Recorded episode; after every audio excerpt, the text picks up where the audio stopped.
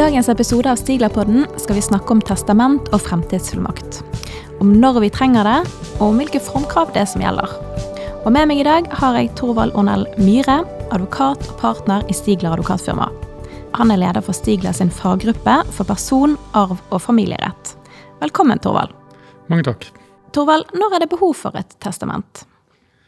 Ja, Det er behov for testament når du ikke er fornøyd med hvordan arven etter deg fordeles etter arvelovens bestemmelser.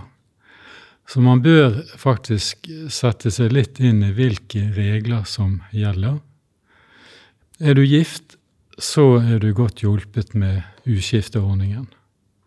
Men om det skal skiftes, så får din ektefelle fjerdedel av arven, og dine barn får to tredjedeler.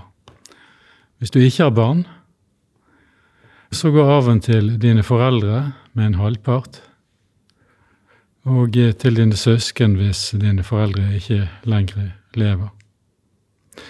Hvis du verken har barn eller ektefelle, så går arven videre til besteforeldre, men de lever sannsynligvis ikke, og da går det videre nedover til fetter og kusine, men heller ikke lengre. Og motsatt, hvis du bestemt vil at noen ikke skal ta arv etter deg, så kan det gjøres per testament. Men arveloven har selvfølgelig ingen bestemmelser om akkurat det. Typiske tilfeller eh, hvor det er behov for testament, det er eh, barnløse ektepar, der en gjerne vil sikre at lengstlevende overtar alt gjennom et gjensidig testament. Eh, eller i tilfelle der eh, et ektepar har særkullsbarn. Typiske der det er at en vil sikre at lengstlevende får en, en lettest mulig, et lettest mulig skifte med førstadødes særkullsbarn. Arveloven bestemmer heller ikke den individuelle tildeling av gjenstander eller eiendom. Så I slike tilfeller er det opplagt behov for å gjøre noe gjennom et testament. Hvis man vil sikre seg da at f.eks. barna får hytten eller båten spesifikt framfor verdien av disse eiendelene. Nettopp. Ja. Og hvis det er sånn da at man har konkludert med at det er viktig at man skriver et testament, hvordan går man frem? Nei, man bør bruke en god del tid på å finne ut hva som er det egentlige målet med denne testasjonen. Det er ikke noen god idé å komme til en advokat og si vennligst sett opp et testament i dag, jeg vil gå ut herfra med et testament i hånden. Vel, det kan være behov for et hastetestament, men normal bør være at man har tenkt godt igjennom dette på forhånd, og deretter oppsøker en som skal hjelpe til med skrivingen. Eh, man bør altså vurdere om arven f.eks. skal den deles likt mellom eh, de personene man ønsker å tilgodese? Er det noen som skal utelukkes? Og ikke minst, vil du testamentere bestemte gjenstander eller eiendom, så må det selvfølgelig tas inn i testamentet. Og hvis en fast eiendom skal overtas, skal det betales for den, og i tilfelle hva skal betales? For alt dette kan man regulere slik man selv ønsker, hvis man da oppretter et testament? Ja, innenfor uh, visse regler. Uh, og uh, regel er da at barn skal ha to tredjedeler av arven, men aldri over 1,5 million ca. Utover det så kan man stort sett bestemme hva man vil. Men er det sånn at et testament bør være svært regulert? Altså bør man, bør man detaljere det så mye som mulig? Generelt så vil jeg si det at uh, testamenter bør være presise for å unngå konflikter mellom arvingene. De bør være kortfattede og uten altfor mye innskutte bisetninger. Um, dersom man er opptatt av at frimerket posttårn 3 skilling 1872 skal gå til A, og frimerke B, f.eks. posthorn 1 øre 1905, skal gå til person B, osv., så, videre, så, videre, så må man faktisk lage en liste over hvordan dette skal foregå. Og det kan ikke advokaten hjelpe deg med, det er noe du må gjøre selv på forhånd. Og det er faktisk slik at slike lister de utgjør en del av testamentet, og de samme formreglene som gjelder for, for resten av testamentet, gjelder for dette vedlegget. En annen sak er at, at lister som man har laget eh, på bakrommet og, og oppbevarer litt mer uformelt, gjerne blir respektert av arvingene. Men hvis man skal være sikker, så må det altså være en del av testamentet. Ja, og Hvis man ønsker da å være helt sikker, hvilke formkrav er det som gjelder for at et testament skal være gyldig? For det første, det, det er nokså det, nemlig at testamentet skal være skriftlig. Eh, det må bekreftes av to myndige vitner, eh, som da ikke er tilgodesett direkte eller indirekte eh, gjennom nærstående personer. Altså Det heter det kort og godt at vitnene må være habile. Jeg har nettopp vært ute for en sak hvor vitnene ikke var helt habile. Og det hjelper ikke å være halvt habil. Da er attestasjonen til fordel for dette vitnet ugyldig. Hvordan er man halvt habil? eh, nei, eh, det, det, finnes vel egentlig ikke noe slikt begrep. Enten er man habil, eller så er man ikke habil. Arveloven er nokså streng. Øksen går ned om man ikke er habil. Uh, en, et ytterligere krav til, til, testamentet det er at vitnet må være til stede når testator eller testatorene enten vedkjenner seg testamentet eller signerer det. Tidligere var regelen den at de måtte være til stede samtidig, men nå kan de komme enkeltvis. og Det gjør det litt lettere for private kanskje å lage sine egne testamenter uten å måtte oppsøke advokat. Men er det vanlig å tinglyse testamenter? Nei, det er på ingen måte vanlig. Eh, jeg tror nok at Kartverket hadde sperret øynene opp om de hadde fått tilsendt et testament for tinglysing. Det gjør de ikke. Man tinglyser ikke testamenter. Det man gjør, er at det oppbevares av tingretten mot et mindre gebyr på kroner 959. Det er vel anvendte penger. Det anbefales alle å gjøre det, og ikke oppbevare testament hjemme. Der kan det komme uvedkommende i hende. Fremfor alt kan man rote det vekk så den tjenesten som tingretten tilbyr der med å oppbevare testamentet elektronisk, den er vel verd å benytte. Testamentet blir tatt frem i det øyeblikk det er aktuelt å ta det frem.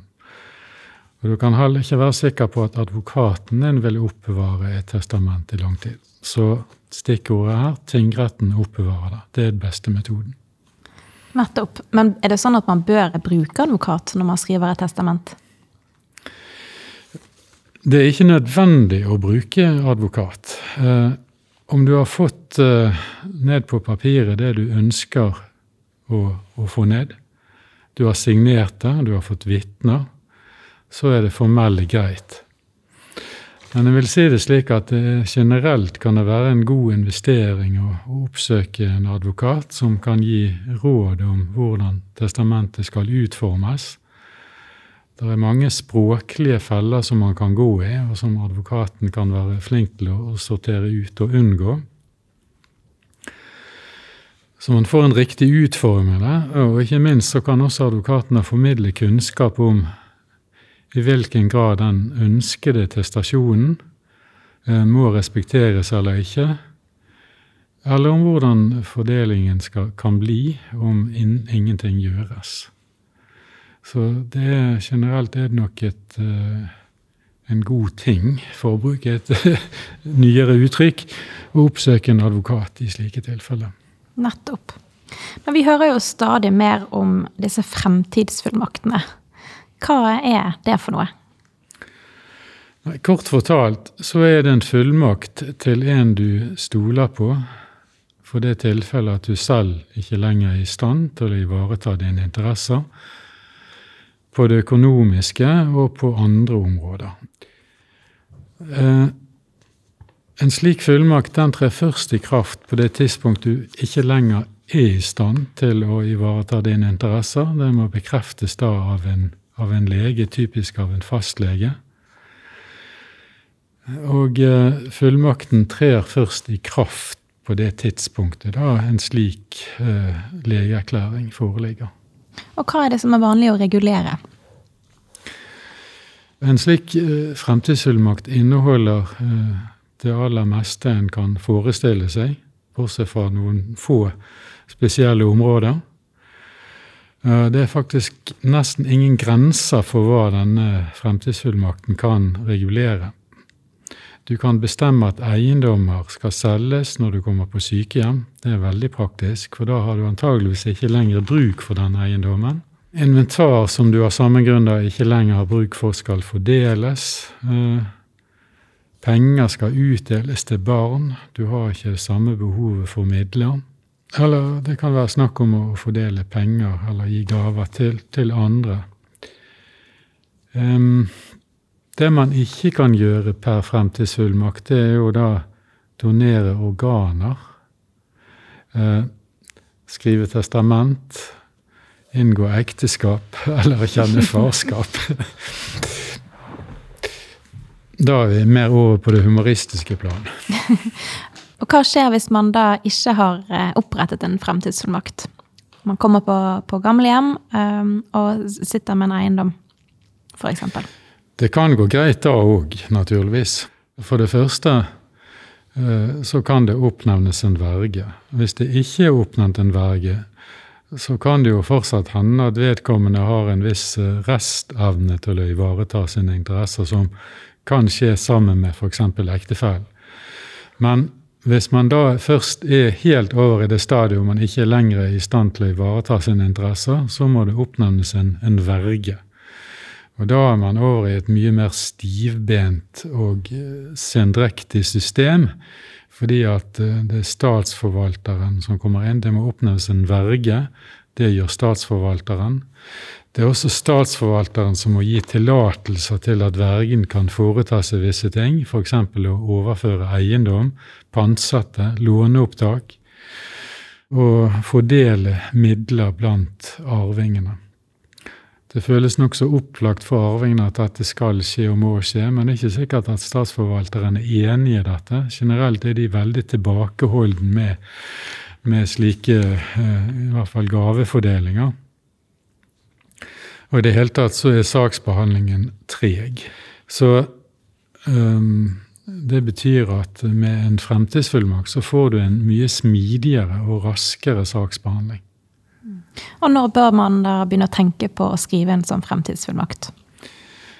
Uh, hadde nær sagt jo før, jo heller. Uh, uansett så vil den jo ikke tre i kraft med en gang. Den vil ikke tre i kraft før det faktisk foreligger en legeerklæring der det fastslås at du er litt bortenfor sol og østenfor måne, og derfor trenger en fullmektig. Ikke ved sine fulle fem, som man pleier å si. Ja. Korrekt. Mm. Og kan, eh, kan, man da oppnevne hvem som helst som fullmektig, eller hvem er det vi ser vanligvis eh, opptrer som fullmektig i slike tilfeller? Ektepar gir gjerne hverandre en gjensidig fullmakt. Um, og så kan man da ha reserver.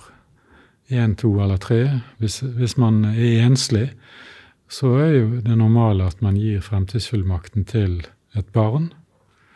Uh, uansett så er jo poenget det at den fullmakten den eh, kan være ganske vid. Og det er derfor viktig at man gir fullmakten til en man stoler nærmest blindt på.